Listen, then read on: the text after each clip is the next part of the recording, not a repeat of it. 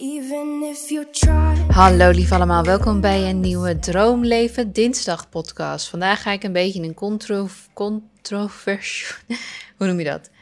Controversial, maar dan in het Nederlands. Onderwerp bespreken. En ik kwam op het idee omdat ik een vragenbalkje eruit stuurde op Instagram en deze vraag kwam.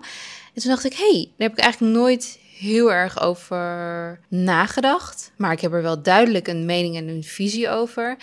En ik heb eigenlijk wel meer te zeggen dan ik in twee stories heb gedeeld. En het gaat over monogamie. Iemand vroeg namelijk of ik geloofde in monogamie. En in eerste instantie wist ik niet zo goed wat het betekent. Want zou dat betekenen dat als ik er niet in geloof, dat ik denk dat we als mens niet gemaakt zijn om met één persoon tegelijk te zijn? Ehm, en we dus onszelf eigenlijk constant in bedwang moeten houden, omdat de norm monogamie is? Of dat als ik er wel in geloof, dat het zeg maar onze natuurlijke staat is, net zoals bij penguins. En dat er bij vreemdgaan dus andere dingen gaan zijn, zoals ongelukkig zijn in je relatie, et cetera. Dus is dat dan wel of niet erin geloven? Ik weet het namelijk niet zo goed of ik het wel of niet geloof omdat ik nooit zo specifiek iets, zoiets specifiek zeg maar, zou toepassen op de hele mensheid.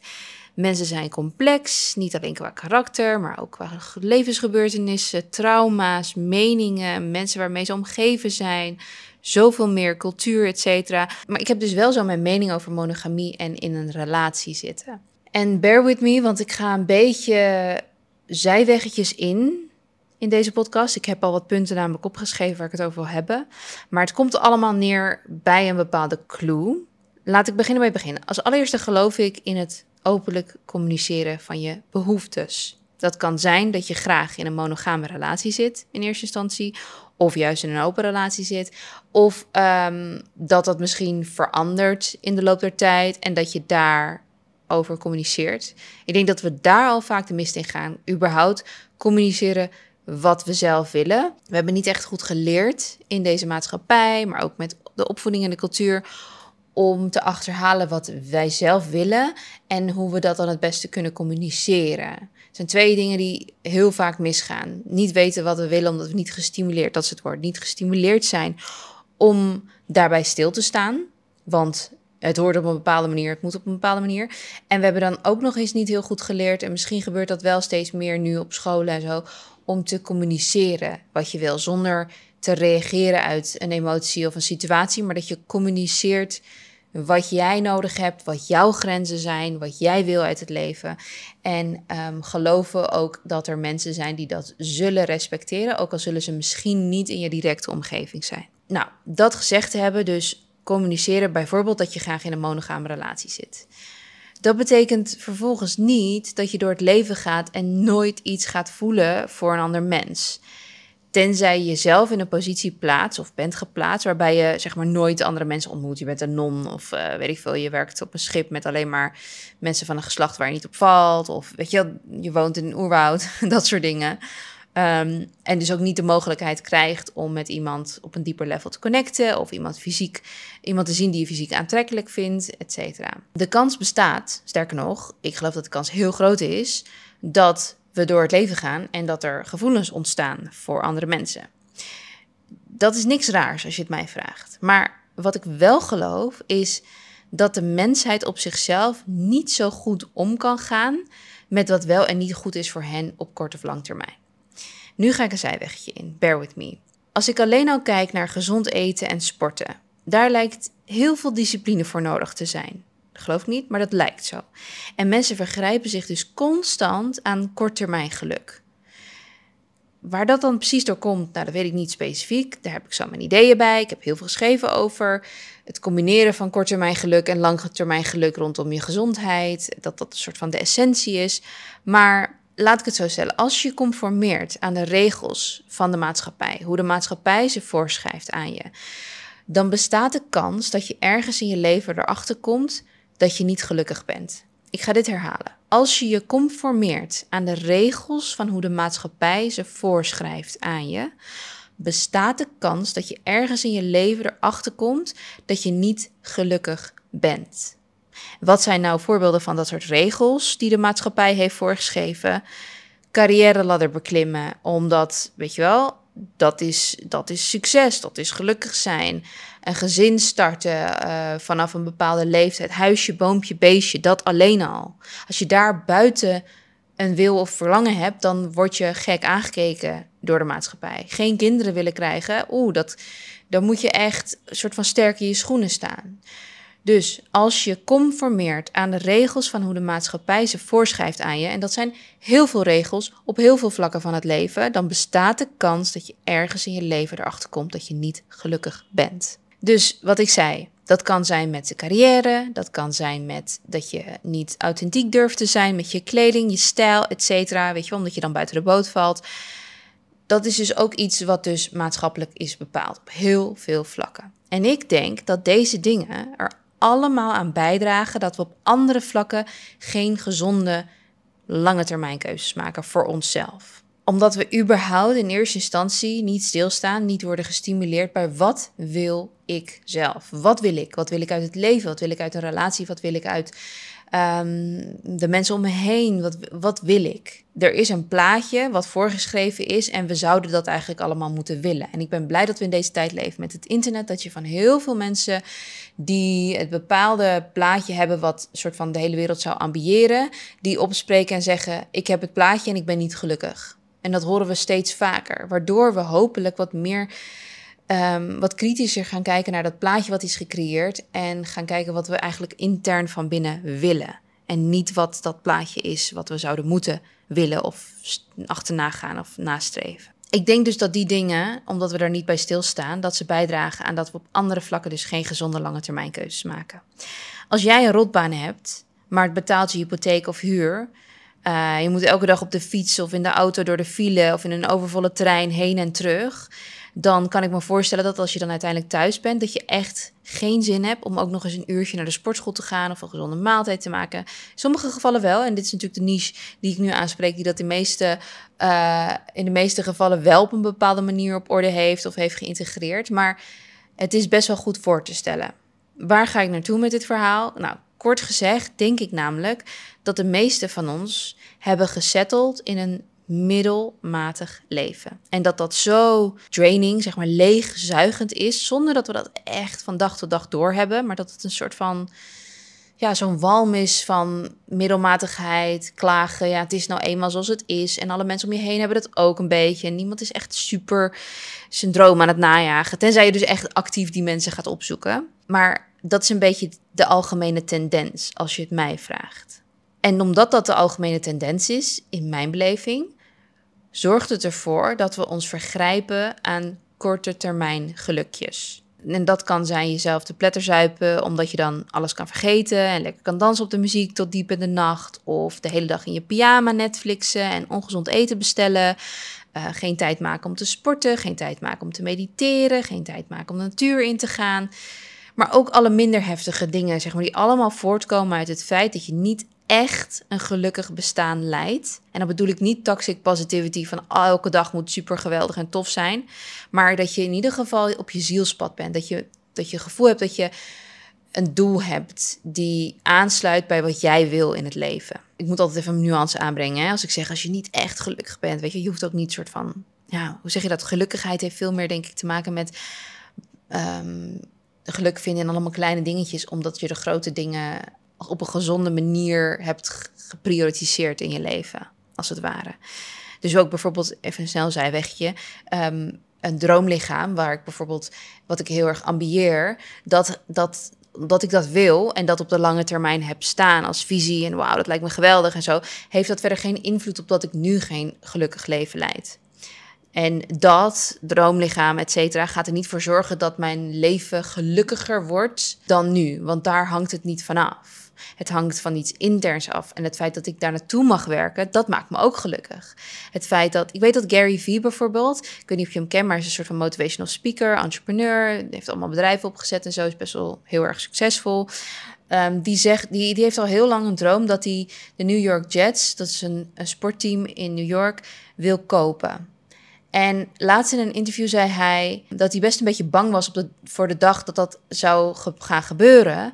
Want hij weet namelijk dat een einddoel er niet bestaat qua geluk. Want dan moet hij weer een nieuw doel hebben. Hij zegt dat het pad er naartoe dat dat het allerleukste is. En dat heeft hij misschien van nature veel meer. En dat heb ik veel meer moeten aanleren. En dat probeer ik jullie ook aan te leren. Het pad ergens naartoe. Als je dat soort van heilig weet te maken, dan ben je in principe een gelukkig leven aan het bestaan, aan het hebben. Zeg ik het goed? Ja. Laten we snel weer even teruggaan via verschillende bruggetjes naar waar ik het eigenlijk ook over wilde hebben. Dus dat was de nuance rondom echt een gelukkig bestaan leiden. Als ik dat zeg, dat je weet dat er nuance zit. En ik geloof weer dat dat soort van echt gelukkig zijn voortkomt uit authentiek zijn. Dus wanneer we dat niet voelen, dat we niet authentiek aan het zijn zijn. Dat we niet naar ons onderbuikgevoel luisteren. Dat we niet ons zielspad volgen. Allemaal van dat soort kleine dingetjes. Omdat we vanuit de maatschappij uh, hebben geleerd: dit moeten we willen, dit moeten we nastreven, dit moeten we zijn. Nou, hoe komen we dan bij het onderwerp monogamie? Ik denk dat gevoelens krijgen voor een ander dus een normale ontwikkeling is in een mensenleven en iets waar je geen controle over hebt. Maar wat je ermee doet, is iets waar je wel controle over hebt. Net zoals dat je controle hebt over wat je eet, hoe je voor je lichaam zorgt, wat je doet met je mentale gezondheid. Alleen zijn het dus niet per se keuzes die we op korte termijn willen maken, vaak. We hebben namelijk al zoveel dingen die we moeten doen. Zoveel verstandige keuzes die we moeten maken. Zoveel rotbaantjes, irritante familieleden die we moeten zien op verjaardagen. Saaie kledingstukken die we dragen. Uh, omdat we anders, weet je wel, voor gek worden uitgemaakt of whatever. Het zijn allemaal dat soort dingetjes die ervoor zorgen dat de korttermijn spannende momenten of gelukjes heel aanlokkelijk zijn. En die spannende momenten of gelukjes op korte termijn kunnen dus zijn eten, alcohol drinken, nou, vreemd gaan, zeg ik het maar. En dus de keuze om bijvoorbeeld wel te handelen naar een gevoel dat je hebt voor bijvoorbeeld een collega, is dan makkelijker wel gemaakt als er zoveel in je leven saai, suf, niet interessant, niet spannend of zelfs een beetje deprimerend is. Alsof je jezelf ook wel wat leuks wil gunnen, zeg maar hier en daar. Wat velen ook met eten hebben. Dat heb ik zelf heel lang met eten gehad. Na een rotdag dan wilde ik mezelf een lekker ijsje of een zak chips gunnen. En dat voelde dan echt super comforting. Nou, dat is een beetje hoe ik denk over het handelen naar het gevoel wat je misschien hebt ontwikkeld voor iemand, terwijl je met iemand anders in een besproken monogame relatie zit. Maar hier zit dus ook een factor in waarbij ik geloof dat het normaal is om af en toe uh, gevoelens of een diepere connectie met iemand anders te ontwikkelen. Dat is iets wat velen misschien niet eens bewust toestaan, of juist heel erg afkeuren, of misschien wordt het wel afgekeurd om zo te denken door anderen. Um, dat het eigenlijk gewoon ja, dat het natuurlijk is om een diepere connectie met iemand te krijgen, omdat we nou eenmaal ook andere mensen ontmoeten in ons leven en tijd doorbrengen met andere mensen en de mooiheid van iemand intern, extern ook gewoon zien en ervaren. Als ik een knappe man zie, dan kijk ik naar de knappe man en dan waardeer ik zijn knapheid. Maar wat ik daar vervolgens wel of niet mee doe in de fysieke wereld, heeft te maken met het respect dat ik heb voor mijn partner waarmee ik in een relatie zit. Monogame relatie zit. Oftewel, ga ik helemaal geilen op die knappe man, wil ik zijn Instagram, ga ik hem DM'en, et cetera. Nee, dat vind ik onrespectvol naar mijn partner toe. Maar kan ik inzien dat er andere mensen op aarde zijn die ik fysiek aantrekkelijk vind of mentaal een diepere connectie mee heb? Ja, en dat snap ik ook vice versa van naar mijn partner toe. Dat mijn partner een mooie vrouw op het terras ziet en daarnaar kijkt, dat vind ik niet onrespectvol. Als iemand een soort van helemaal geilend of weet ik veel naar kijkt of wat dan, dat, dat, daar zit misschien een verschil tussen. Maar ik zie dat er meer schoonheid is op aarde en het niet een soort van dat de klepper opgaat op het moment dat iemand een relatie heeft. Dus je kan schoonheid waarderen, je kan een diepere connectie waarderen, maar wat je daarmee doet, dat is denk ik de belangrijkste, de doorslaggevende factor, als ik het zo mag zeggen. Kort gezegd, gevoelens komen en gaan, daar heb je geen controle over, maar wat je ermee doet, wel. Um, en dan weet ik ook dat er een vraag kwam, die had ik nog niet beantwoord op Instagram, dus die zal ik nu in deze podcast ook even benoemen. Er kwam een vraag die zei van ja, maar wat als jouw partner een diepere connectie creëert met iemand anders, word je daar dan niet onzeker van? In alle eerlijkheid, ik wil niet leven in een soort van waan dat iemand zoveel mogelijk weg moet blijven van alles wat aantrekkelijk en mooi is, omdat dat de kans vergroot dat iemand bij mij blijft. Dat, dat vind ik een strijd die niet te winnen is. Waar ik mijn energie niet in wil steken. Waar ik me niet eens mee bezig wil houden. Ik ga die strijd niet eens aan. En dat heeft ook een beetje te maken met dat ik mezelf op een level schat. En zet en plaats. Dat ik denk, als je iemand tegenkomt die je leuker vindt, knapper vindt, ehm, aantrekkelijker vindt, diepere connectie mee hebt, ga lekker daarheen. Ik weet wat ik waard ben. Ik heb geen zin in dat ik jou moet gaan bewijzen. Ik ben wie ik ben. Je hebt met mij een connectie of niet, of je hebt met iemand anders een diepere connectie. Gaat dat pijn doen? Ja, natuurlijk gaat dat pijn doen. Maar ik ga mijn leven niet bezighouden met controleren of iemand misschien, weet je wel, een telefoon checken en al dat dingen, of iemand misschien met iemand anders een band aan het creëren is of wat dan ook. Laat ik het zo stellen. Ik ga niet proberen naar plekken te gaan waar er geen knappe mensen zijn, bijvoorbeeld zodat mijn partner daar niet iets bij voelt. Ten tweede, bijvoorbeeld rondom het onderwerp vreemd gaan. Ik denk maar zo. Als mijn partner vreemd gaat, dan kunnen er twee dingen gebeuren. Ik kom erachter of ik kom er niet achter. Ik kom er niet achter, ja, dan is niets van de hand in mijn beleving. Ik kom er wel achter, dan maak ik het uit, dus over, dus klaar. Maar ik ga niet mijn hele leven bezig zijn met er eventueel achter komen. Ik ga niet mijn hele leven bezig zijn met checken en zorgen dat ik iemand kan betrappen als, als het zo is. Ik ken mijn intuïtie, ik ken mijn onderbuikgevoel en dat volg ik. Maar ik ga, mezelf, ik ga echt niet mijn tijd verdoen met de hele tijd uh, iemand checken of wat dan ook. En ik snap wel dat er mensen zijn die, die in die rollercoaster zitten, of die loop zitten, omdat ze bedrogen zijn eerder keren. Dus dat dat zo pijnlijk is dat je op een gegeven moment een soort van voelsprieten aan hebt staan voor alles wat eventueel bekend voorkomt als gedrag of een rode vlag of wat is het, een red flag van wat er voorheen voor zorgt dat iemand vreemd is gaan, dat je daar een soort van alert op bent. Alleen ik zou daar zelf dan iets aan gaan doen dan het bij de ander leggen van de ander mag dat niet doen. Dus uh, waar ging ik ook weer naartoe met dit verhaal? oh ja, dat je dus je bagage niet meeneemt naar de volgende relatie, maar dat je er zelf aan werkt, zodat jij weer geheeld en iemand een nieuwe kans kan geven. Dat allemaal gezegd te hebben rondom een diepe connectie voelen, fysiek aangetrokken worden tot iemand anders dan waarmee jij in een relatie zit, waarmee je hebt afgesproken dat het een monogame relatie is. Dat kan natuurlijk ook betekenen dat je realiseert dat je met iemand in een relatie zit waar je helemaal niet in wilt zitten, omdat je een diepere connectie voelt met iemand anders. En ook dan is het naar mijn mening een kwestie van hoe respectvol ga je met die situatie om. Ik denk dat we daar dus niet genoeg over praten en niet genoeg voorbeelden over kennen om te kunnen weten hoe we er respectvol mee om kunnen gaan. Als je kijkt naar films en series en zo, die zijn ook vaak gebaseerd op het drama van vreemdgaan en intriges, affaires, etc. Maar het kan ook respectvol zijn met de beste intenties. Ik wil niet zeggen dat er geen pijn uit voortkomt of geen um, ja, verdrietige momenten, boze momenten. Maar het kan wel respectvol. En ik denk dat het op lang termijn veel beter zichtbaar wordt dan in het moment. In het moment kan jij de boosdoener zijn, ook al ben je er heel respectvol mee omgaan. Maar um, op lang termijn is het denk ik altijd, wordt het altijd duidelijk wat iemands karakter is en hoe je met zulke situaties bent omgegaan. Dus ik denk dat het belangrijk is om af te sluiten, om te realiseren dat we uiteindelijk allemaal mensen zijn die op onze beurt ons best doen met de kaarten die we hebben gekregen in het leven. En um, dat als we leren begrijpen wat onze eigen behoeftes zijn, vervolgens leren begrijpen deze te communiceren en meer naar ons gedrag kijken en kijken waar het uit voortkomt, worden we veel sneller geleid naar een versie van onszelf die geheeld is um, en gelukkiger is. Omdat we daardoor ook veel gezondere keuzes maken voor onszelf, voor ons lichaam, voor ons mentale staat, voor ons leven, voor onze relaties, voor alles eromheen. Het heeft allemaal invloed op elkaar. Alles is connected. Dat is hoe ik het zie, dat is hoe ik het geloof. Misschien dat er nog wel wat meer dingen opkomen nadat ik deze podcast heb, op, uh, heb opgenomen, maar um, dan zal ik het uh, op Instagram delen of wat dan ook. Ik um, wil in ieder geval de persoon bedanken die deze vraag stelde, want ik kreeg heel veel DM's namelijk over de stories die ik deelde met mijn gedachten hierover.